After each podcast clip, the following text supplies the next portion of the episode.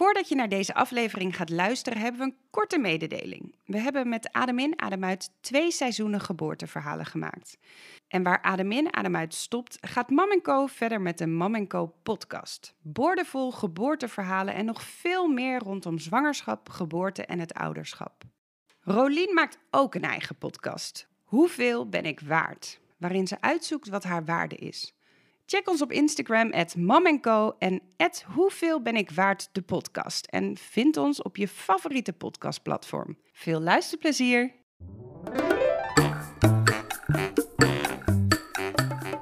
Adem in, adem uit. Een podcast over 's werelds grootste wonder, de geboorte. Met ervaringsdeskundige Rolien, want moeder van drie, en met mij, Aline. Moeder van één, verloskundige en ik geef zwangerschapscursus. We vertellen verhalen van bevruchting tot en met bevalling. En alles komt langs.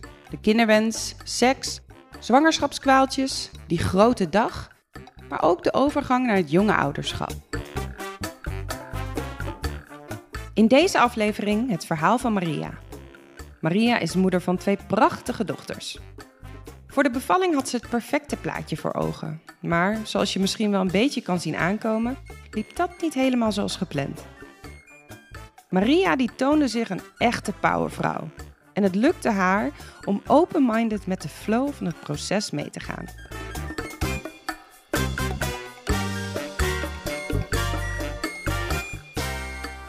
Maria, welkom. Wat leuk dat je er bent. Stel je eens voor. Dankjewel jongens. Ik voel me vereerd om... Uh, nou, ik ben een groot fan van de podcast en dat ik dan nu mijn eigen verhaal mag vertellen vind ik uh, onwijs leuk. Ik heb namelijk twee dochters, dus twee, uh, twee geboortes uh, mee mogen maken. Van Elisabeth, en die is inmiddels 3,5. En Pia, en die is ruim 1. Twee prachtige meisjes. De een is blond, die lijkt op mij. En de ander donker, en dat is die van mijn vriend. En wie is jouw vriend? Mijn vriend is Luca, Luca de Weers. En wij zijn nu 6,5 jaar samen. Nou, dan zijn wij natuurlijk heel erg uh, benieuwd naar uh, wat dat eerste moment was dat jullie elkaar leerden kennen. Ja hoor, we gaan er meteen vol in. Ja, vertel. Dit is de juicy stuff. Ja, het is een beetje awkward, want uh, er was een andere man in het spel. En dat oh. was Patrick. En Patrick was, ja, hij was gewoon picture perfect. Hij was knap, hij kon goed zoenen, zag er goed uit, had een baan. Weet je, hij nam me mee naar leuke restaurants. Nou, ik, ja, het was gewoon helemaal goed, maar ik was ook niet ja, ik weet niet, er miste gewoon een beetje een spark. En toen waren we op date nummer drie, denk ik. En waren naar de film geweest. En toen gingen we daarna tegenover Pathé de Munt naar de Peking. En daar stond een barman eh, met heel lang haar. En een beetje slechte huid, gaapmager. Echt een beetje zo, ja, zo rock en roll. En uh, ik had hem al wel vaker gezien. Um, en ik had hem al wel eerder gespot dat ik hem wel interessant vond. En toen zag ik hem en toen... Um, maar ja, ik was daar op date natuurlijk en ik was helemaal vol uh, in het gesprek met mijn date. En toen, ja, toen dacht ik toch nog, oh ja, ik vind hem wel heel leuk. En toen ging mijn date naar de wc en toen heb ik nog mijn nummer op een bierveeltje geschreven voor nee. Luca. Tussendoor eventjes.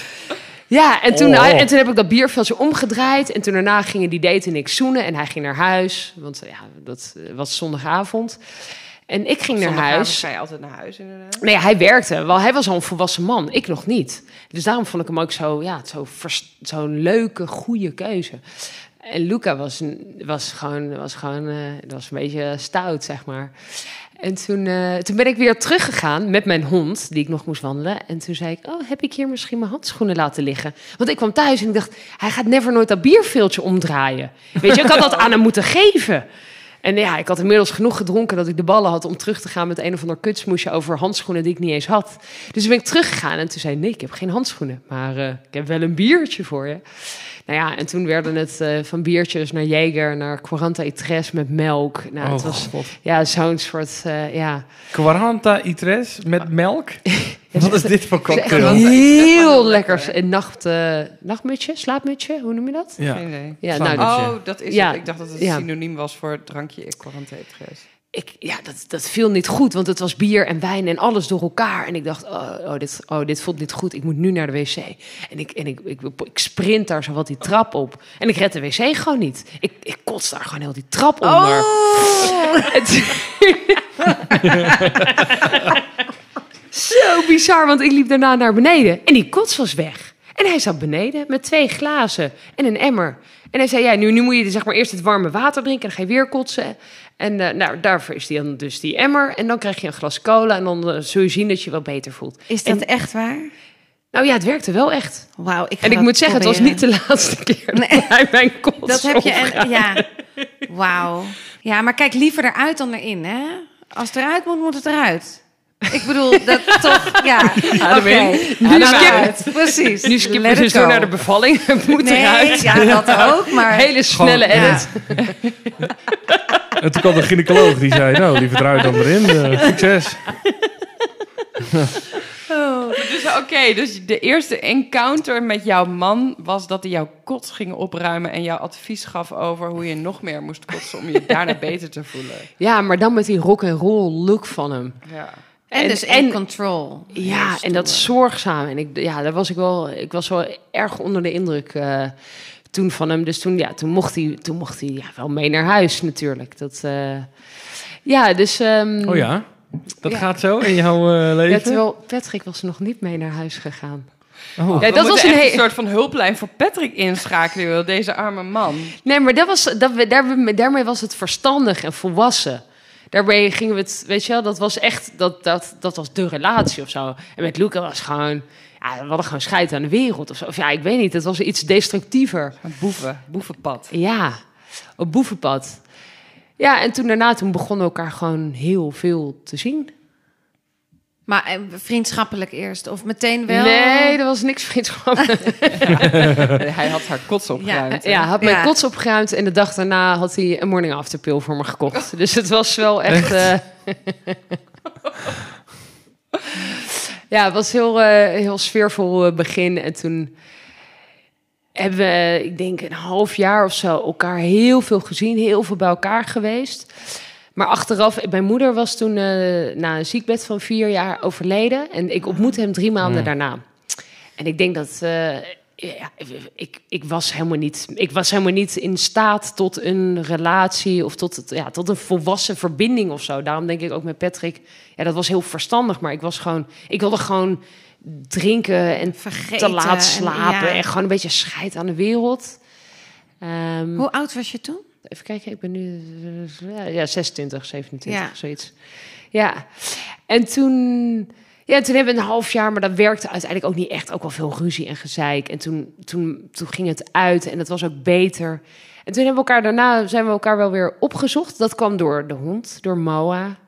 Want hij was heel erg fan van Moa. En ik had Moa in mijn eentje. En dat is fucking zwaar als je in je eentje Ja, een hond hebt. En hij wilde zeker. iedere keer Moa uitlaten. Want hij echt, echt, echt een dierenvriend. Dus toen, ja, een beetje door Moa zagen we elkaar weer veel. En toen werd dat elkaar veel zien heel vriendschappelijk. Dus we zagen elkaar heel veel en heel veel samen gegeten. En ik logeerde daar ook vaak. Maar toen werd het niet meer, eh, ja, niet liefdevol of zo. En toen op een gegeven moment toen begon hij ook te daten.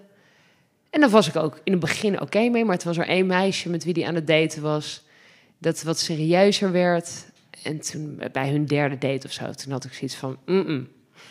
No, no, no, no, no. Nee. Ja, en toen heb ik dat uitgesproken. En toen was het echt meteen eh, een vlam in de pan. En toen was het vol aan. Oh, want hij dacht ook, dit is eigenlijk waar ik op wacht. Ik- Ja, Hij wou jou. ja. Oh, wel heel romantisch. Ik herken het bijna. Romcom. Ja? Zo ken ik je weer, Rolien. Oh ja. Ja, nee, het was ook echt romantisch. Ik weet het nog goed, want het was op een avond dat eh Stukafest, Studentenkamerfestival. Er stond volgens mij een bandje of een cabaretier in mijn huis. Dus we hadden drie rondes met zeg maar 40, 50 man. Nee, niet 50, 40 man bezoek in mijn huis die naar dat bandje kwamen kijken. Dus hij was er de hele avond en ik wist natuurlijk al de hele avond dat ik dat ging zeggen tegen hem. Maar nee, het waren heel veel mensen en optredens. En toen aan het eind van de avond, toen stonden we in de keuken. En toen zei ik dat. En ja, ik, dat, dat hij mij toen zoende, nou, dat, dat, ja, dat, dat, dat weet ik nog heel goed. Ja. ja. En toen was het aan. En toen was het echt aan. En toen was wel nog eventjes van, oké, weet je, hoe gaat ons volwassen leven eruit zien? Omdat ik, ja, weet je wel, hoe, ja, hoe, hoe gaan we het dan doen? Ja, nou ja, en toen, toen, toen ging hij studeren en ik ging ook ander werk weer doen. Waardoor we ook dat een beetje dat destructieve van die fase daarvoor ook echt wel achter ons lieten. En er een nieuw, eh, een nieuw iets meer volwassen hoofdstuk begon. Samen een huisje. Ja, dus dit was denk ik in januari. En toen zijn we uiteindelijk in september gaan samenwonen. Maar tot die tijd heb ik mijn huis heel veel ge-Airbnb'd en bij hem geslapen. En heel veel uit eten en gewoon lekker chill. Dat je gewoon heel veel geld op de bankrekening hebt. ja, dus... ehm, en toen in september toen zijn we gaan samenwonen. eh ja, met Moa natuurlijk. En toen eigenlijk in eh, december eh, ja, heeft de verwekking plaatsgevonden. Oh, wat dat ging heel snel. Ja, Oh, je moet nog, oh. wanneer besluit je dat je Wacht dit even, gaat doen? Wacht even. Ja, rustig aan. Ja. Hadden jullie daar gesprekken over? De- Nee, ehm, nee, het begon bij mijn vader. Die, die had het over dat ik ooit een eileiderontsteking had gehad. En die zei, ja, maar misschien kan je wel niet zwanger worden. Wil je dat dan niet weten? Toen dacht ik, ja, dat wil ik weten.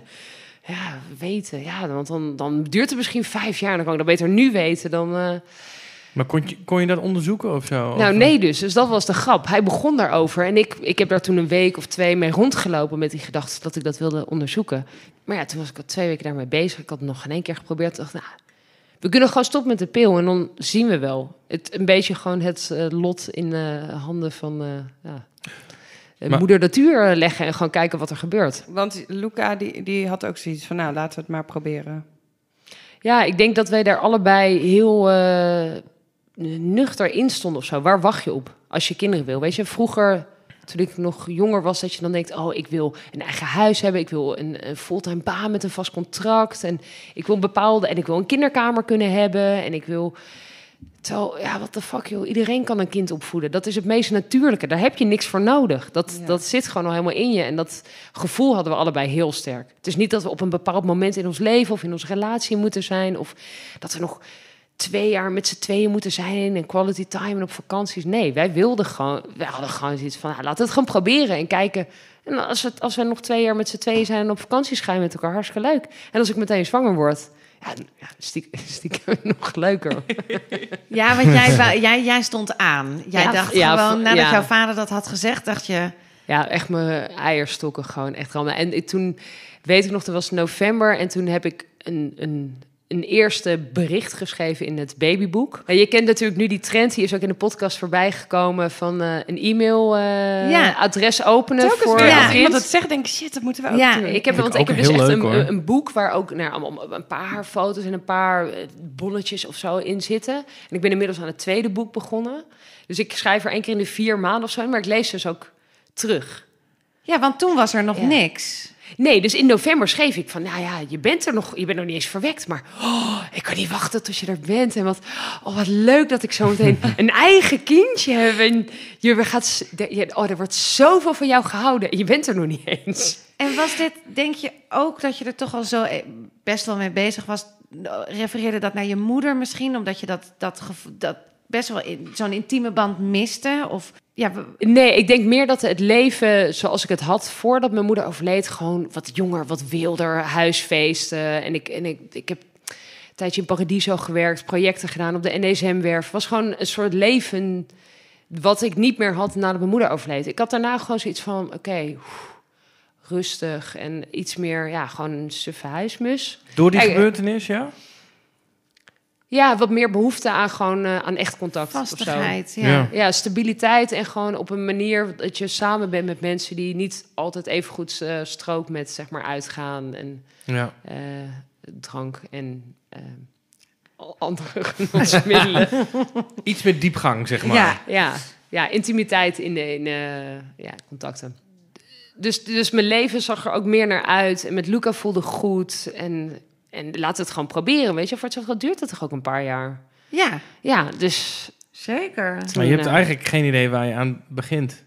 Maar dat Nee. weet je ook niet als je tien jaar verder bent en je hebt wel een huis en twee auto's en je kan ieder jaar vijf keer op vakantie. Ja. Dus waar Ja. wacht je dan? Weet je, Ja. wat is, wat is dan Het het, moment waarop je denkt, ik ben klaar? zo. Ja. Je bent er nooit klaar voor. Je gaat Nee. gewoon en Ja. dan zie je het wel. Ja. Dus het was welkom. Ja, ja het was heel welkom. Nee, toen ben ik één keer ongesteld geworden en toen, eh, toen was het daarna. Toen was het, het, was, eh, het was kerst. En de dag daarna in het, eh, ja, het, het, het kinder... Nou, niet het kinderbed, maar het tienerbed van Luca is... eh, ja, de, de ochtend na kerst, dus tweede kerstdag, is zij eh, verwekt. Verwekt. Oh. En toen zijn we die avond nog naar, naar Trouw gegaan, want daar speelde Moody Man. Oh Dat, ja. was, eh, dat was niet een per se een avond met intiem contact, maar meer zo'n ander soort avond. En, eh, maar ja, wel een avond met heel veel liefde. Dus ik, ja, daar heeft toch iets aan bijgedragen. Ja, we hebben het hier wel eens vaak over gehad. Maar hoe weet je nou precies, hoe, hoe weet je dan zo goed dat hij Dat eh, toen ze, is... ze toen verwekt is? Nou, ik had stiekem al wel zo'n zo'n app met een kalender. Dus ik, ik wist wel ongeveer wanneer ik overleerde. Ik heb nooit een app gehad, ik kan hier geen antwoord op geven. Maar er zijn dus allemaal apps om bij te houden Ja. hoe je menstruatie... Ja, ik heb dat ook niet gehad. Nou, Ik... oh, oh, oh, Nee, oh. de app die heette P van Period Tracker. En dan heb je gewoon een kalender en dan zie je je vruchtbare dagen en wanneer je ongesteld moet Ja. worden en hoeveel dagen nog. Nee, mee- dus we gaan nu weer terug naar jouw verhaal. Ja, dat kunnen we doen met een hele leuke woordgrap, als jullie willen. Ja, kom Ja. maar door. Nou, dan heb je dus die app en dan word je ongesteld en dan zeg je... Nou, ik menstrueer. Eh.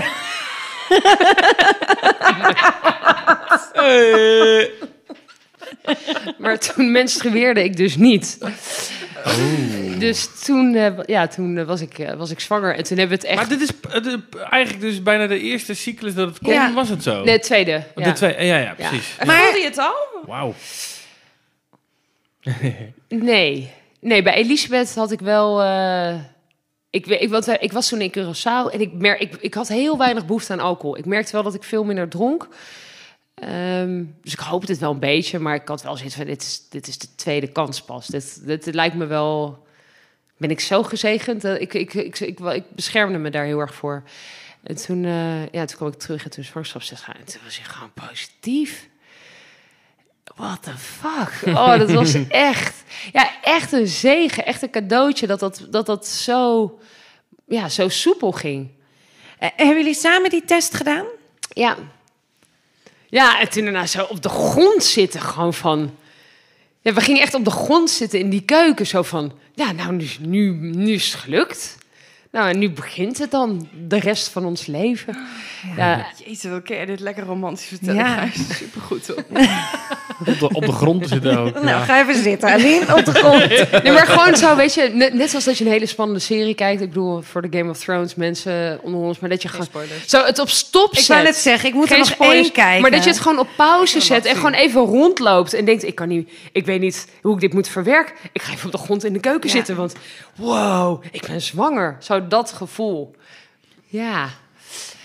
Ja, dus toen kon ik in één keer in mijn babyboek schrijven, je bent er. Ja, ja en toen... eh, en toen, ja, en toen ben ik net zoals iedere andere maloot naar de huisarts gegaan. Want ja, dat stond op die test. Ja, Dit komt terug, hè? Mensen, Ja. ja, dat ga niet naar de huisarts als je zwanger bent, als je geen medische indicatie hebt. Ga naar de verloskundige als je zwanger bent. En je kunt al gaan, je kunt direct bellen bij een positieve zwangerschapstest. Bel je met de, eh, met de assistente van de verloskundige. En dan plan je een afspraak in en dan ga je rond acht weken ga je voor de eerste keer naar de verloskundige. En rond tien weken krijg je je eerste echo. En die huisarts super lief, maar niet nodig. even iets heel anders. Ik vroeg mij deze week af.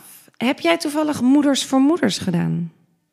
Ik weet niet wat het is. Oh, Please, vertel me dat het kinderen voor kinderen is, maar dan volwassenen. Het is met, Met urine, urine. toch? Ja. ja, het is urine vanaf eh, dat je zwanger bent. Eh, tot ze- 16, 17 weken is je HCG-hormoon heel hoog. En dat is nodig bij IVF-behandelingen onder andere. En dat is echt heel erg nodig. En dat komt dus uit de urine van een zwangere vrouw. Dus je krijgt dan hele grote blauwe bussen waar een soort, ja, een soort spulletje in zit. Volgens mij om het gewoon goed te houden. En je plast dus ja, op de wc in een emmertje of in een bakje. En dat giet je dan in die blauwe bakken. Ik vond het een ontzettende eer ook dat ik het mocht doen. In de zin van dat ik dacht, ik was ook heel snel zwanger. Ik dacht, wauw, dit, weet je, hoe kan dat nou? Te gek. La, wat kan ik terug doen? En toen kwam dit op mijn pad. En ik zou het wel echt aanraden. Ja, als je het maar goed, kan, maar dit, is voor onderzoeksdoeleinden? Of, Nee, echt om echt- in te spuiten. Dus de, de Ze, hormoon. gebruiken, ze halen die, Ja. die, dat HCG uit de urine Ja, die mensen andere inleveren. mensen, andere mensen kun je dan helpen om zwanger te raken. Ja, echt heel belangrijk. Ik, en ik het is, eh, Ik, heb, hier- ik, hoor hier, eh, ik had dat nooit van Nee? gehoord. Nee. Moeders voor moeders. Maar jij had er nog niet van gehoord. Maar je Nee. was wel hartstikke zwanger. Ja. En die huisarts, die zei, ga maar naar de verloskundige. Ja. Ja, en ik vond die verloskundige, oh man, wat een, wat een, wat een vrouwen zijn dat. Wat een helden. Echt, ik heb nog nooit... Aline was niet, eh, niet mijn verloskundige, maar Aline is ook wel echt typisch zo'n vrouw. Weet je, een verloskundige is de eerste zorgverlener waarbij je echt je verhaal mag doen. Die vragen, hoe gaat het met jou? Niet, waar heb je last van en waar, wat voor medicijn kan ik je voorschrijven? Maar echt, hoe gaat het met jou? Maar ook zeggen, oké, maar nu werk je dus te hard. En die heel erg ook je een halt toeroepen. En ik vond, ik heb, ja, die zorg, ik zat, eh, ik zat bij de Witsekade. Ik heb hun allemaal echt, ja, intens genoten van, eh, van hun zorg. En eh, uitgekeken naar de bezoekjes daar. En hoe was jouw eerste echo? Ja, ik kom, ehm, ik kom, ik heb, ik heb drie broers en ik ben het enige meisje. En ik wilde gewoon een jongen, want dat is gewoon, daar kan je gewoon een beetje mee stoeien. En heb je niet zo van dat wijvige zeik. Een jongen is ook goedkoper. Weet je, ik dacht gewoon, ik wil gewoon, ik, ik, ik kan helemaal niet een mama, moeder zijn. Dat is gewoon niet hoe ik mezelf. En toen, godverdomme, toen was het dus een meisje. En ik was toen voor een pret-echo bij mijn oom, want die is röntgenoloog. En die zei, ja, ja, volgens mij is het toch echt een meisje. En ik dacht nog, nee. Want dat Je was in een vroeger stadium. was in een vroeger ja. stadium, ja. En ik dacht nog, nee, dit kan nog een jongen worden. En toen bij de 20 weken echo was gewoon, nee, dit is gewoon echt een meisje. En dat ik echt dacht, ja, Maar eh, eh, ik, wil, ik pak hem nog heel even terug naar de eerste echo. Toen was je 11 weken, toen zag je een klo- kloppend hartje. Ja, dat was nee, eerder nog. We hebben met zeven weken al een echo gehad. En toen was Lucas verjaardag. En ja, toen was de hele familie bij elkaar en ik dronk niet. En niet dat ik nou zo'n zuipschuit ben, maar ja, als iemand van onze leeftijd niet drinkt, weet je, dan is er toch altijd... Hmm, Moet je iets vertellen? Ja. precies. Dus toen hadden we zoiets van, nou, weet je, fuck it, we gaan het gewoon... eh, we gaan het gewoon zeggen. En als het fout gaat, nou, dan weet iedereen dat, dan kunnen we het erover hebben. En we hadden toen al het kloppend hartje gezien. En toen was ik ja, inderdaad zeven weken. En ik weet nog op zijn verjaardag dat we dat vertelden. En dat iedereen echt zo verbaasd. Hè? Wat? Die, ze zagen het gewoon niet aankomen. En wij zelf natuurlijk ook niet dat dat zo snel zou gebeuren. Dus dat, dat was een hele feestelijke avond. Ja, en toen echo's daarop dat het ook gewoon iedere keer goed was. Dat is Ja. natuurlijk gewoon een hele fijne geruststelling. ja. En hoe voelde jij je? Echt on top of the world. Ja? Ja. Door de hormonen of gewoon door het idee? Allebei. Ja, en dat je gewoon, weet je, die eerste maanden dat je het nog niet ziet. Dus je staat af te rekenen bij de appie en ik, ik heb een baby in mijn buik. Holy moly, jij weet dat niet, jij Nee. ziet dat niet, maar ik heb dus een baby in mijn buik.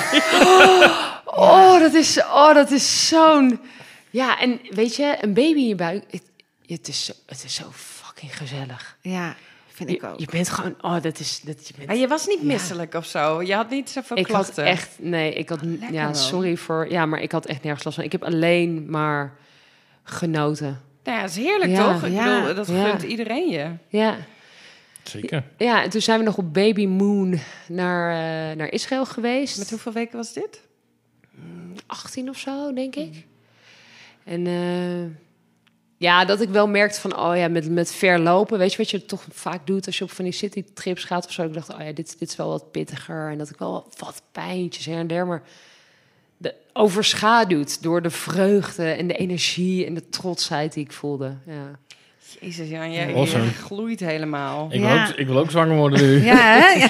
Jongens, maar misschien moeten we alvast even... een aan het- makkie eigenlijk, zo'n zwangerschap. Hè? Ja. Niks, Misschien moeten we aan het begin van hebben deze we het over? podcast zeggen... jongens, pas op als je twijfels hebt. Want, eh, Die verdwijnen dit gaat je allemaal. Over de Ja. streep trekken. Ja. Ja, want tot het einde voelde je je dus heel goed. Je hebt geen complicaties gehad. Nee, en als ik er ook op terugkijk, was het ook best wel eh, abnormaal. Want ik in die tijd, ik, ehm, ik was een yogadocent, dus ik gaf, eh, ik gaf veel yogales. Ik was eh, projectleider, dus ik heb een soort van hoogzwanger nog een, eh, festival geproduceerd bij Plek op de NDSM-werf. En ik volgde toen een opleiding in Londen zwangerschapsyoga. Dus ik zat er echt middenin en ik was gewoon, ik was gewoon keihard aan het werken en dingen aan het doen. Ik voelde zoveel energie en kracht, dus dat, ik ging gewoon maar door. Ik was echt ja, heel energiek. Je Ja, had ik- geen angst of je had geen, oh, spannend, een kindje, hoe ga ik dat doen? Of, Nee. Ja, we zien het wel. En als het niet lukt, dan zien we het dan wel weer. Ik, Ja. had, ik was een heel klein beetje bang wel voor een postnatale depressie. Dat ik dacht van, oh ja, wat, ge- wat, wat doen we in, in die situatie? Maar ik Waar- had ook, Waarom had je dat? Was je daar gevoelig voor? nou, niet dat ik weet, maar dat ik dacht van, oh ja, maar door het overlijden van mijn moeder, wat gebeurt er als ik zo meteen zelf moeder ben en ik heb er geen? Oh, ja. snap Ja, ik. snap ik ook heel goed. Vind ik ook knap dat je daarover over na hebt gedacht. Ja, ja, en dat ik ook dacht van, oh ja, wat is dan het support system dat ik om me heen heb?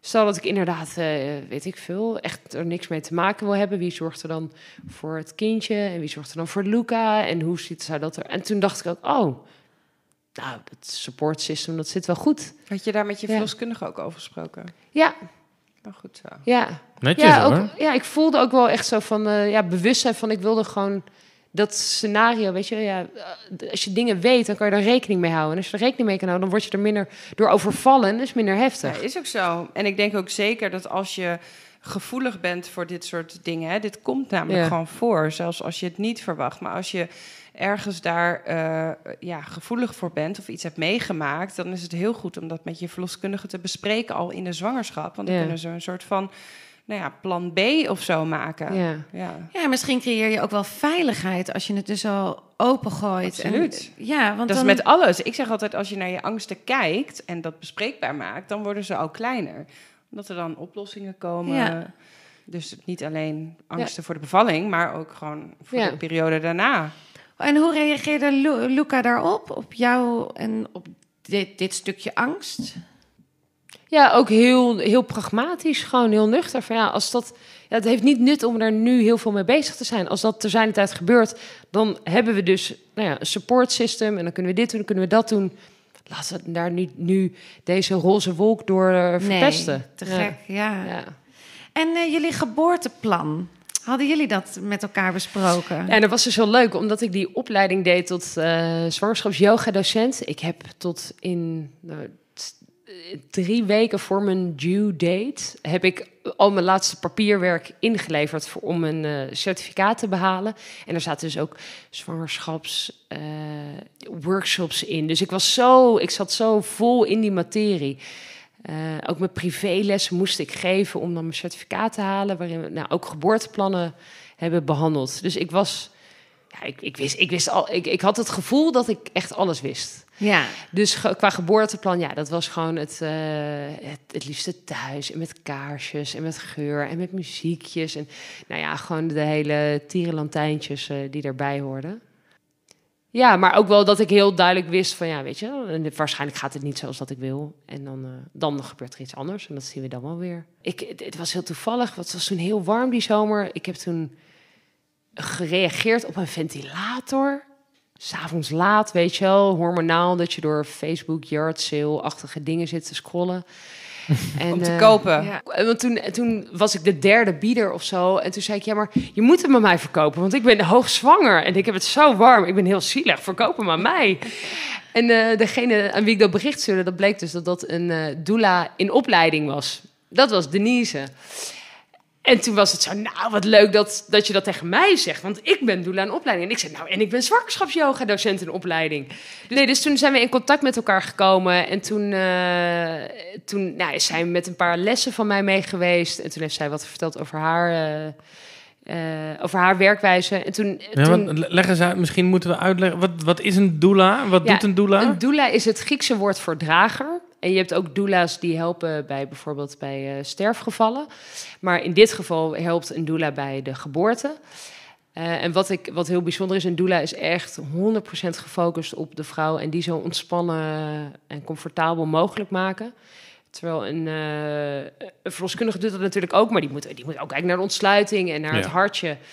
Dus, dus dit, dit is iemand die je, behalve je los- verloskundige, er ook bij hebt. ja, dus zij was de hele tijd...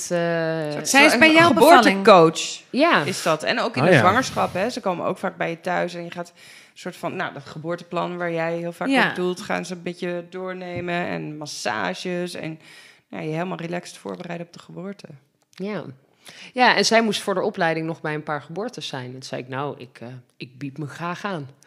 In ruil voor een eh, ventilator. Massage. Oh nee, voor die... ja, nou ja, ik, inderdaad, ik denk moet even, wel wanneer gaat René zijn eh, woordgrap maken? Welke woordgrap? Nou, iets met, eh, heb je misschien nog een, eh, een, Oh ja. een nieuw, nieuw eh, loopbaan-oriëntatiegesprek of heb je andere carrière-doelen? Hey! Je wel op Ik z'n- lach wel weer. op hoor. zijn Amsterdamse. Maar eh, wat wil je verder in het leven? Wat zijn je carrière doelen?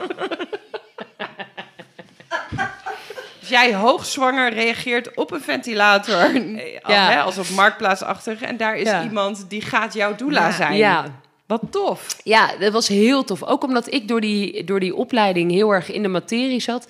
En Luca die vond het echt wel heel spannend. Die was echt, die was echt angstig. De bevalling überhaupt? Of Ja. alles? Ja, over, nee, niet over de zwangerschap. Want die zag ook wel dat ik gewoon als een tierenlier ging. Mhm. Maar voor de, voor de bevalling eh aan zich. Dus voor hem was het ook wel geruststellend dat er iemand bij zou zijn. Het is gewoon duur. keiduur. Als Ja. je heel veel knaak hebt, Ja. dan... Ja, het is het super waard. Maar Ja. een doula die is beschikbaar voor jou voor het moment dat je bevalt. Je weet niet wanneer je weken. bevalt. Dus Ja. een doula moet vijf weken tot jouw beschikking staan. Die drinkt daarin dus ook niet. Die gaat niet buiten de stad. Want stel dat je in één keer bevalt, dan moet ze Ja. direct erbij ja. zijn. En ze is erbij van begin tot eind. Dus het is echt wel een... Pittig. Ik snap dat het die kosten... Maar als je dan Ja. inderdaad, als, Ja. dat, als dat heel veel positieve bevallingen Ja, oplevert, het zou waard. het voor de Ja. overheid of voor de zorgverzekeraar waanzinnig zijn. Ja. Dus toen ik hoogzwanger was en ik Denise ontmoette, toen voelde dat gewoon echt van oké, weet je, Ja. ik ben er klaar voor. En eh, ja, let, laat, laat, laat, laat, haar, laat haar maar komen, eh, de baby. En dus de beval hoe begon de bevalling? Ja, de bevalling. Ik was eh, volgens mij 1, of 19 september uitgerekend. En 20 september was de sterfdag van mijn moeder. Dus wij hadden allemaal zoiets van... "Oh," en dan wordt ze 20 september geboren. Oh, dit, oh, oh, de symbolie. Oh, wat prachtig. Oh, wat... Maar ja, toen was het 19 september. Het was 20 september. Mm-mm. 21. 21. Mm-mm. 22. Mm-mm. 23. Mm-mm. Nou, dus dit, dit ja, Er weet gebeurde je... helemaal niks. Gebeurde helemaal niks, maar ik voelde het was een beetje ehm, borrowed time. Oh ja. Tijd waarin we gewoon echt in die cocon zaten. Maar ik was ook een beetje ongeduldig. En toen was ik een week over tijd. Oh ja, dus nee, dus ik was, nou, maakt niet uit. Ik was een week over tijd en toen gingen ze proberen te strippen bij de verloskundige. Strippen, het losweken van de vliezen van de baarmoederwand. Geen schrapen of iets. Nou, en dat was helemaal kansloos, want het zat potdicht. En die dag daarna trouwde een van mijn beste vriendinnetjes van vroeger in Breda. En toen, en ja, toen was ik een beetje baldadig. Toen dacht ik, ja, fuck deze hele shitzooi. Als ik dan nu niet ga bevallen, dan ga ik gewoon nu naar Breda en dan ga ik naar het huwelijk. Ja, want en als er iets gebeurt, ja, dan ben ik een uur met de auto van Amsterdam. Dus toen zijn wij eh, met eh 40 weken en zes dagen Nee. Wauw, vind ik heel knap. in de trein gestapt Oh. naar Breda. En toen kwamen we daar aan. Toen hebben we een Game of Thrones gekeken. Ik weet het nog goed. Een half glas rode wijn gedronken. Omdat we ook, weet je wel, zoiets hadden van, nou ja, ja. Wat? Ja, ja. Ja, Ja, ik ze snap zeggen het hoe- wel. Ja, Ik snap het. Ik Ja. snap het zeker. het ook. Maar ik, Maar ik ja. wil wel het advies geven Ja. vanuit mijn verloskundig perspectief. Gebruik geen alcohol of andere genotsmiddelen tijdens de zwangerschap. Chocola mag wel, niet te veel, word je dik van. Die was True er story. Ja, en toen zaten we lekker Game of Thrones te kijken. En eh, ik had een, een paar slokken wijn op. En toen, eh, gingen we, toen gingen we slapen.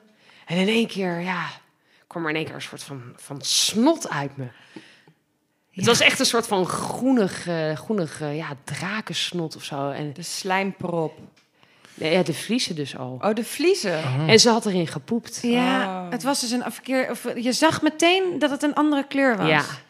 Ja. Oh, En- Wat voor kleur wat had het? je? Ja, groen. Ja, groenig. Ja, gewoon snot. groenig, bruinig. En, en ja, dat moment, jongen. we- we- Waar, waar was je toen Ja, nog waar dan? was je in Breda of in Amsterdam? ja, in Breda. In Nee. de badkamer. Ja, En mijn, en mijn wedding outfit lag al klaar voor de dag daarna. En ik weet nog dat ik echt... We, we kregen gewoon een slap lach. Wat moeten we nu doen? Terwijl je weet natuurlijk heel goed, weet je, nu moet de verloskundige bellen. En dan ga je, eh. Maar nu was het echt... De vliezen zijn gebroken. En ze heeft in het vruchtwater gepoept. Oh nee, dan moet ik in het ziekenhuis. Oh, en ik wil niet in het ziekenhuis. Maar ze komt. En Ja. oh nee, gewoon zo'n soort hyper state of... Ja, en het was heel lullig, want Luca had toen nog geen rijbewijs. En het was eh, half één, s'avonds. Dus ja, toen heeft mijn vader ons eh, om half één naar het OVG in Oost gereden. Van Breda naar Amsterdam. Wauw. Moet je dan zo snel mogelijk naar het ziekenhuis? Nou, zo snel mogelijk is Mm. een beetje overdreven, maar heel vaak is er niets aan de hand. Ehm, maar om het zeker te weten dat het goed gaat met het kindje, behandelen we alle kindjes die ehm, eh, in het vruchtwater hebben gepoept, behandelen we hetzelfde. En die moeten allemaal eh, geboren worden in het ziekenhuis met een hartfilmpje eh, onder zorg van de verloskundige van het ziekenhuis. Dus als je gebroken vliezen hebt, kijk naar de kleur van het vruchtwater. Alles wat je tussen 37 weken en 42 weken, wanneer dan de vliezen breken, is goed. Alles voor 37 weken bel je direct je verloskundige. En na 37 weken kijk je naar de kleur van het vruchtwater. Is dat helder, dus een beetje wit, misschien een beetje witte vlek, of doorzichtig met witte vlekjes, soms een beetje rozig, wat bloed van, je, van de moeder, dus van jezelf. Ehm, dat is goed, maar is het bruin, groen, geel, dan bel je je verloskundige direct. Ook al is het midden in de nacht. Ja. Jij ging even een stukje rijden. Ja, dus dat was natuurlijk. En ik had nog niet echt weeën. Dus wij zaten alleen maar die autorit. Ha, ha, ha, geboren in Hank. Ha, ha, ha. Elk dorp waar je langs Geboren in Nieuwegein. geboren in Breda had ik oké gevonden, maar het was eh, geboren in Amsterdam. Maar ik had nog niet echt weeën. En toen kwamen we aan in het ziekenhuis. Nou, en toen was Denise, die was daar al. En toen zijn Luca en mijn vader naar ons huis gegaan eh, in Amsterdam... om daar de spullen op te halen, het bed op te dekken... met de nieuwe lakens die ik had gekregen voor mijn verjaardag... en had bewaard voor de eerste nacht weer. Ja, die ik natuurlijk vervolgens helemaal heb ondergebloed. Dus eh, dat was een beetje zonde. Dat eh, vooral niet nieuwe lakens doen daarna. Nee, inderdaad. Goede matjes eronder. En gewoon goede matjes, ja. Zit Nee, in dus een kraampakket, hè, overigens. Als mensen zich afvragen, "Huh, matjes, waar hebben ze het over? Kraampakket. Ja. Open die niet per se voor je bevalling, maar ja, als je hem toch opent, zitten allemaal van die grote matten in. kun je daarna ook gebruiken voor kinderen die in bed plassen. Ja. Maar het ziekenhuis aangekomen. Ja, en toen was Denise, die was daar al. Dus het was heel fijn voor mij dat Luca, weet je, die ging gewoon weg. En ik had Denise. Dat voelde echt zo... Ja, zo prettig dat je in zo'n situatie dan Maar niet wat ging Luca alleen doen? bent. Die ging naar huis om de spullen te pakken en het bed op Oh, ja, te maken. natuurlijk. Ja. En, ehm, ja, en toen, kwam de, toen kwam de arts ook. En de- ja, toen besproken van, nou, dan gaan we dus nu inleiden. Dat wou je niet. Nee, en dat wilde ik niet. En ik vond het heel lastig ook, want ik vond het heel belangrijk om zelf de regie te nemen van de situatie, maar ook bewust te zijn van ik ben nu in deze omgeving. Ik ben nu in een ziekenhuis en hier zijn bepaalde protocollen. Ik kan bepaalde dingen wel eisen en uitspreken, maar ik, ik moet ook wel deels meegaan. Dus toen heb ik gevraagd, nou geef me gewoon, geef me heel even een uur of twee om te acclimatiseren. Ik, ben, ik moet even mijn, mijn mind eh, shift maken van oké, dus niet thuis, dus in het ziekenhuis. Hoe ga ik deze ruimte van mezelf maken en me hier comfortabel voelen? En toen zei hij, oké, dat is goed. Maar ik vind het heel mooi wat jij nu zegt. En dat vind ik ook echt een supergoeie tip voor alle luisteraars. Om te vragen om tijd. Als er geen spoedsituatie is, dan is er echt vaak wel tijd. Maar als je die niet vraagt, dan gaan we gewoon de protocollen inzetten zoals die er zijn. Die ook gewoon heel goed zijn. Maar die zijn voor niet iedereen precies passend. Dus als het voor jou niet helemaal goed voelt, vraag daarin of er ruimte is voor jouw eigen gevoel. Dus echt super goed dat je dat hebt gedaan. Want daardoor heb je wel überhaupt het gevoel gehad dat je een stukje meer regie hebt gekregen. In plaats van dat je mee moest gaan ineens voem in die flow of zo. Hè? Ja. Nee, dus toen, dus toen kreeg ik een infuus. Nou, en dat was echt een steeds amateur hour van. Nou, en dan was er. Ja, dat was wel. Dat infuus ging fout. En toen begon het, werd het helemaal bol. En toen kwam de artsassistent. En toen spoot dat bloed helemaal over me heen. En toen zei ik nog. "Oh, dat is wel jammer dat ik aids heb. Oh, wat erg. Trillende handjes Ja. stond ik daar. Ja, dus dat, ja, zeg maar, de stemming was wel goed. nee, en toen, en toen werd ik ingeleid en toen stond ik echt met mijn koptelefoon op en ik had een playlist gemaakt. En eh, ja, ik was de hele tijd aan het zingen en aan het wiegen. En als ik er nu aan- Wiegen met je ja, heupen. wiegen met mijn heupen. Ja, echt. Maria maakt nu een dansje met de handen en de En de Ja. heupen. Ja, Mijn hele zwangerschap. Oh, ik vind het nog en- steeds lekker. Ja, ik stond ook tegen de boksen aan heen en weer. Ja, echt wiebelend. Ja. Ja. En dat doe je ook van nature, hè? Dat Ja. is instinctief, omdat Ja. de baby dan makkelijker het bekken Ja. indaalt. Dus het is niet alleen lekker voor ons, het helpt ook gewoon de bevalling voorspoedigen. Ja. Ja. Ja, dus toen, eh, nee, ja, dat, dat, en toen was Luca, die was inmiddels weer terug en die was aan het slapen, want het was half vijf s'nachts. En Denise was gewoon heet, heeft me aan het helpen en met me aan het praten. En ik was alleen maar aan het zingen, aan het zingen en aan het dansen. En, en, nou ja, en toen op een gegeven moment om half negen of zo, toen ging ze dan eh toucheren. En toen was het één centimeter. En, en toen zei ik, nou ja, dat is een begin. Heel En Luca, zei, en, en Luca zei, ja, één is geen. Ja, dat is ook wel mooi. Als ik- vol half leeg. Maar die, was, die, was, die was net wakker, Ja, weet je wel. ja. En die had zoiets van, ah, goddomme joh, ik nu Ja, maar eh, we gaan nu gewoon zo pers vaak toch? zijn mensen heel erg teleurgesteld bij dat eerste touché, omdat je dan vaak maar heel weinig centimeters hebt. Maar we kijken eigenlijk niet naar de hoeveelheid centimeters in het begin. Want die baarmoedermond, die hele lange tuut, zeg maar, die moet helemaal kort worden en verweken, verstrijken. Dus eigenlijk moet je tellen alsof je min 10 begint, min 10 centimeter, dan al die 10 centimeter hebt gehad en dan pas naar 10 plus gaat, zeg maar.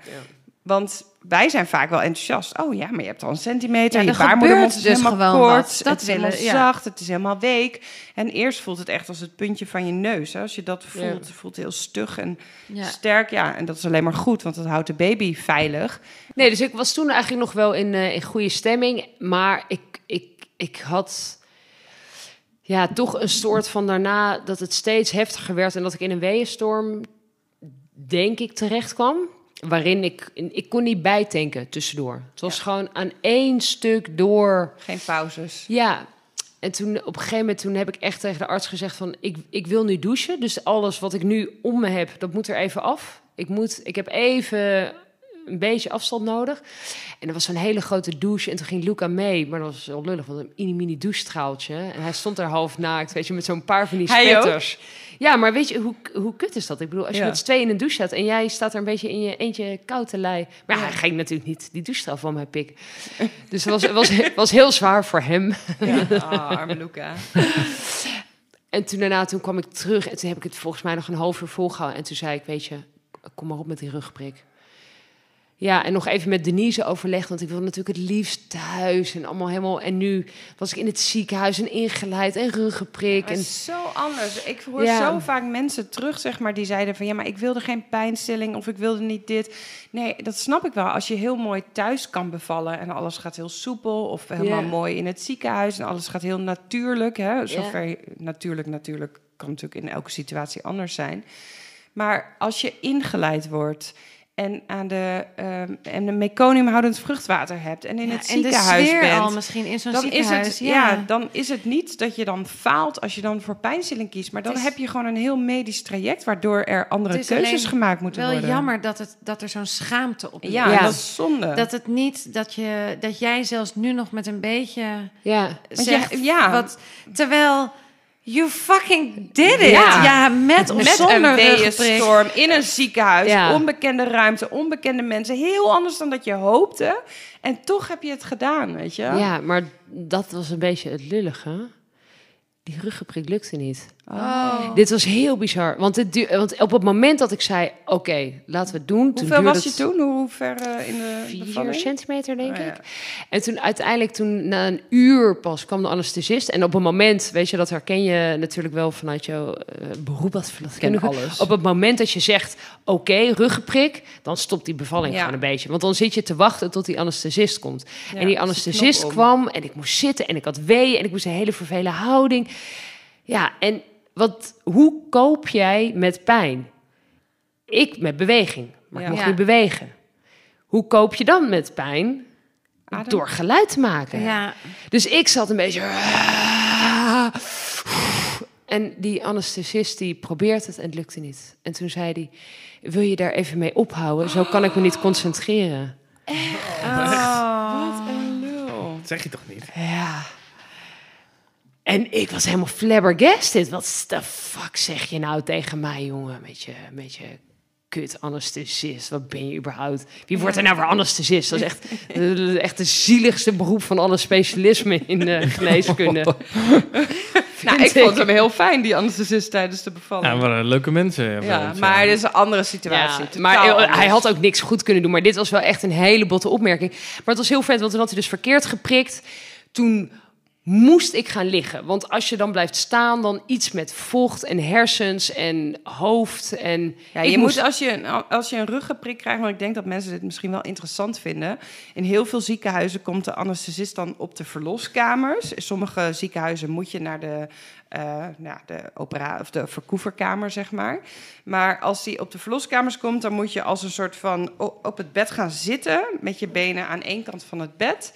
En dan moet je als een soort van kat je rug helemaal. Nou ja, dat weet jij als yogadocent natuurlijk heel goed. Dat je je eh, rug helemaal bol moet maken. En dan eh, moet je eigenlijk op het moment dat ze gaan prikken, moet je niet eh, bewegen. Dus dan moet je echt focussen op je ademhaling. Maar als je dan net een wee hebt, ja, daar proberen ze überhaupt wel een beetje rekening mee te houden. Als je een wee hebt, prikken ze niet. Nee, en toen moest ik dus plat liggen.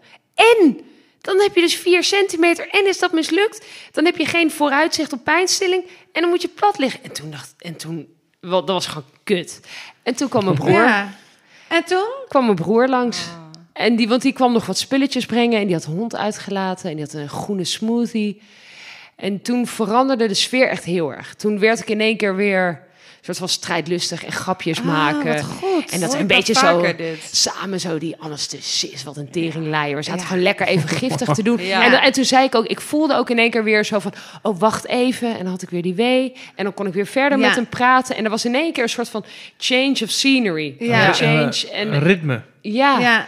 Ja, dus mijn broer die, ja, die kwam binnen en toen veranderde gewoon echt de sfeer. En toen, hij was er misschien een half uur, maar het veranderde voor mij heel veel. Dat ik daarna weer echt een soort van kracht hervond om verder te gaan. En toen op een gegeven moment, toen zat ik op 8, 9 centimeter. Toen mocht ik, of nee, eerder nog, toen mocht ik aan het, aan het morfinepompje. Holy shit, wat is dat lekker. Een kapje. Nee, is het iets in, Nee, nee, Remy fentanyl zet je aan, zeker. Ja. Een infuus met zo'n pompje. ja. Ja, Remy Maar het was heel stom, want zij zeiden... ja, je moet op het knopje drukken als je meer wil... maar er komt niet meer uit, want het is, het is zeg maar gedoseerd. maar ik zat echt als een of andere junk op dat knopje. En toen op een gegeven moment zei oh, je ademt niet meer. En dan kreeg ik zuurstof in mijn neus. En ja, god, op met dat zuurstof, want dat viel de hele tijd uit mijn neus. En dan zat ze de hele tijd zo bij mijn neus te friemen. En ik had Oh, zoiets ja. van, laat me, dit is zo chill. Ja, Oh, dit is, ik zat, oh, dit was... Ja, Wat heerlijk. Ja, en toen op een gegeven moment was het inderdaad, ik moet poepen. En ik vloog toen in één keer echt in een soort alertmodus op mijn knieën, op mijn handen. En dat was wel een, een, een houding die naar voren was gekomen tijdens mijn opleiding. Maar dit, dit, was, dit was instinctief. En toen was ik ook echt meteen in... Zo, ja, zo mama bear, weet je wel. Oké, nu mag ik pushen. En nu kan ik eindelijk... Oh ja, nu kan ik gaan, nu kan ik knallen. Hier ben ik goed in. Dit kan ik echt. Nou ja, en toen was ze ook echt binnen 10 minuten geboren. Dat was echt, dit ging echt heel snel. Jeetje, wat, knap. Ja. Maar hoe, wacht even, want dit- nu ga ik ook, Ja, nu heel- ga ik ging het heel snel. Ja. Want dat je mocht gaan persen. Ja. En de doula? Ja, oh ja dat, ja, dat hebben we nu een beetje overgeslagen. Nee, zij, op een gegeven moment toen, toen werd Luca wakker. Toen had ik die 1 centimeter. En hij observeerde een beetje wat Denise aan het doen was. En hij nam dat over. En dat was heel fijn. Want toen deden we het eigenlijk met z'n tweeën. En Denise was er wel en ze gaf drinken. En dan af en toe zat ze weer aan mijn voeten. En dan kon ik weer even met haar praten. Of dan ging Luca naar de wc. Dus ik was geen seconde. Ik heb geen wee in mijn eentje opgevangen. Nee. Dat is echt een zegen. Ehm, en op dit, op dit persmoment, ja, ze, ze- ik, ik weet nog wel, ook tijdens die morfine en ook daarvoor, dat ik met Luca op een gegeven moment zo'n soort geluid hadden. En ik had echt oogcontact met hem en met z'n tweeën. Dus Denise heeft een soort van het ingeleid hoe wij het met z'n tweeën moesten doen. Ja, te gek. Ja, en ik denk al helemaal als je, als je een partner hebt die wat angstig is of zo. Want ik heb het wel echt met Luca gedaan. Ik heb het niet met Denise gedaan. Denise heeft een soort van de bodem gelegd voor mij om me zeker te voelen in het proces. En aan Luca laten zien, dit is wat je moet doen. Ze voelde ook heel goed aan van, hé, hey, jullie hebben het nu met z'n tweeën. Ja. En hoe vond je die, die pijn van het persen? Nee, ik heb dat niet echt als... als... Ik weet nog wat ik dacht, oh fuck, oh ja, nee, dit doet, dit doet ook wel pijn. Ik vond het ook wel vervelend. Maar ook wel dat je denkt, ja, maar nu, nu zijn we er bijna. Ja, ja. Ja, jij ging helemaal in je oer. Ja, Ja, en ik weet nog wel dat zij toen op een gegeven moment zei... want wat ik dus deed, ik zat op mijn knieën en op mijn handen... en ik had dat bed vast. Maar ik ging dus naar achteren. Dus die verloskundige was bang dat ik zeg maar, de baby zou pletten op het matras. Dat die baby er dan uitkomt en dat hij dan vervolgens weer terug wordt geduwd. Ja. Dat ik naar achter ging met mijn bekken. Dus toen op een gegeven moment zei ze wel omdraaien. En ik was oké, weet je wel, we gaan. En, en, en toen kwam ze eruit. Of ik weet, Luca die stond achter mij en die hoorde ik in één keer een soort geluid maken, wat ik hem gewoon nog nooit heb horen maken. En toen, en toen, heel snel daarna lag ze op mijn buik Wauw. en ze had blond haar. En dat was er dus. En ik, ja, dit, dit, dit, mijn dochter, dit is er. Ja. Ja. Oh, was Leuk, hè? Oh, is toch ook het mooiste. En, en, en hoe vond je, hoe was dat met je vent? Ja, dat is mijn vraag. Ja, wij En zaten echt met z'n tweeën allebei helemaal... Dat je... Dat, dat, ja, geen woorden, gewoon zo overweldigd door de grootsheid ervan. Je, je bent zo'n heftig traject waarin alleen maar de focus is op, op, op, op, op, op, op, op pijn en ontsluiting en, en dat. Dat je bijna vergeet in dat proces dat er dus een kind in je buik zit. Jullie kindje wat eruit komt en dan komt ze eruit en dit is onze baby. Die hebben wij gemaakt. Ja, je krijgt toch... Ja, het is gewoon een godcomplex. Ja. Je ligt daar en je denkt echt... Holy shit, Ja. wij kunnen dit maken? Ja. Hoe dat, ja. Nou, en toen binnen een paar uur, toen stonden echt... Dat was heel leuk, want mijn vader is wel naar het huwelijk gegaan van mijn beste vriendinnetje. Die het jaarwoord gaf een half uur voordat Elisabeth werd geboren. Had je Eh, bijna gered. Bijna. Ehm, en die is dus tijdens het huwelijk weggelopen. Dus iedereen daar wist ook dat ik op dat moment aan het bevallen was. Mijn vader ging weg. Dus dat, nou, dat vond ik ook wel een leuke link. Maar dus een, binnen, een, binnen anderhalf uur stond, stonden zeg maar, de ouders van Luca, mijn vader, mijn broer, stonden daar. Dus ik was daar met allemaal mannen in de kamer. Waren we meteen champagne aan drinken. Het was heel feestelijk. En, en ik denk een zes uur later zat ik thuis in bed met Luca. En die was eh, bij de overburen, had hij eh, een surf en turf gehaald. Echt knalrode biefstuk. En eh, ik lig, dat is een foto van mij op bed. Dat, dat Elisabeth op mijn buik ligt en dat ik een bord met knalrode biefstuk vasthoud. Ja. Want daar had ik echt heel veel zin in. Ja. Wauw. ja, en je hebt daarna nog een keer een Ja. bevalling mogen doen. Ja, ja dus toen Elisabeth, eh, even kijken, t- ja, twee was toen, eh, of anderhalf, toen, eh, toen werd ik, raakte ik zwanger van, van eh, kleine Pia. Was deze gepland? Ja, zeker weten. Ja, Na anderhalf jaar. ja. ja. en er zat ook nog een, een kleine miskraam tussen met een windei.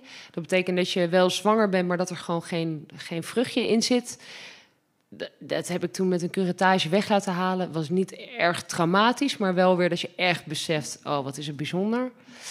En toen, en toen één, keer, één keer ongesteld en toen weer zwanger van Pia.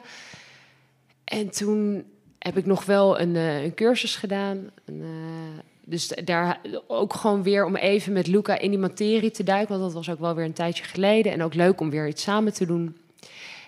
En bij Pia, die was ook weer... eh, ik was anderhalve week over tijd. En ik was... dat Goeie was zwangerschap. ja, hele goede zwangerschap. En ik was thuis bevallen. Het Ja. mocht zo zijn. Het mocht zo zijn. Ja, en dat was echt eigenlijk wel gewoon die picture perfect thuisbevalling met kaarsjes en zachte muziek en met z'n tweeën. En ik voelde me daarin zo sterk en zo vrouwelijk en zo verbonden met vrouwen in de wereld. Bij Elisabeth voelde ik echt, ik werd toen ben ik als moeder geboren en bij, bij Pia werd ik als vrouw geboren. Als moeder van, van meisjes. En Ja. dat heeft een heel ander ding eh, gebracht naar, naar mij. Ik heb haar ook zelf aan mogen nemen toen, eh, toen de perswee begon. Toen ze zei, wil je er zelf aanpakken? Dus toen ja, heb ik er gewoon echt zelf gepakt. Ehm, dus die geboorte voelde ja, positiever als in... eh, Ja, ja, minder- was ik, eh, die heb ik gedaan. Ja. En in het ziekenhuis was gewoon met heel veel mensen en heel veel hulp. En, eh, Was, er, was er thuis wel een doula weer bij? nee, want ik, ik voelde me eigenlijk na die eerste geboorte voelde ik me zo zelfverzekerd dat ik en ook met Luca, dat ik dacht van, nou, wij kunnen dat met z'n tweeën. Dat ik dat eh, eigenlijk ook niet meer nodig vond. En achteraf gezien, nou ja, ik denk eigenlijk, ik voelde me zo sterk. Ook, ook Luca had er niet. Ik was, dit was mijn ding. Ja. Ik was echt zo in control. En ik voelde mijn lichaam en ik voelde wat er gebeurde. En ik kon overal naartoe ademen. En ik voelde ook die ontsluiting vorderen. Ik voelde alle fases doorlopen. En het, ja, ja, nee, dat was echt, eh dat was Wauw. echt heel vette geboorte van Pia. ja. Ja, Hier komen de afsluitende vragen. kom maar door. Wat vond je het mooist van de zwangerschap en bevalling van Elisabeth? De, de kracht die ik voelde in mezelf en de energie om gewoon die 300 dingen tegelijk te doen en ze goed te doen. Wat vond je het minst mooi aan het hele avontuur? Het moment dat die ruggenprik was mislukt en dat ik geen uitzicht had op pijnstilling en stil moest liggen. Dat was echt een moment dat ik niet wist hoe ik verder moest. En waar ben je het meest trots op dan? Ik, ik, dat moment dat, dat Luca en ik echt oogcontact met elkaar hadden en een soort. wa, wa, wa, dat voelde zo samen gaan wij deze baby geboren laten worden. Dat, ja, dat vond ik echt heel mooi ook. Hey, en de laatste vraag. Een beetje een gekke vraag altijd. Maar is er iets waar je voor schaamt? Nee, ik, nee, ik, ik heb eigenlijk. Nee. ik, ik, ken, ik ben ook niet zo goed met schaamte. ik schaam me nergens voor. nou, nee. Nee, ik heb geen, eh, geen schaamte in deze verhalen. Nou, mooi. Dat is ook een antwoord. ja, vind ik ook. Dan eh, zijn we er. Nou, dankjewel, jongens. Prachtig Ja, verhaal. Jij bedankt. Fijn dat je er was. Ja. Super mooi verhaal. Tof. Misschien moeten we applaudisseren. omdat Goed verteld ook, ja. Dank jullie ook dan voor het interviewen en voor het editen en de sound en de everything. Nou, eh plasbuis. Ja, nou, dat is echt wat hoor. Ik denk dat ik echt een blaasontsteking heb. Oh, echt? Ja, ik denk al weken. Dit was weer een podcast van Adem in, Adem uit. Vond je het leuk? Check ons op Facebook en Instagram. Heb je een vraag of wil je ons misschien je eigen verhaal vertellen? Mail ons dan op info@deluiermoeders.nl. Ik zeg het nog een keer: info@deluiermoeders.nl.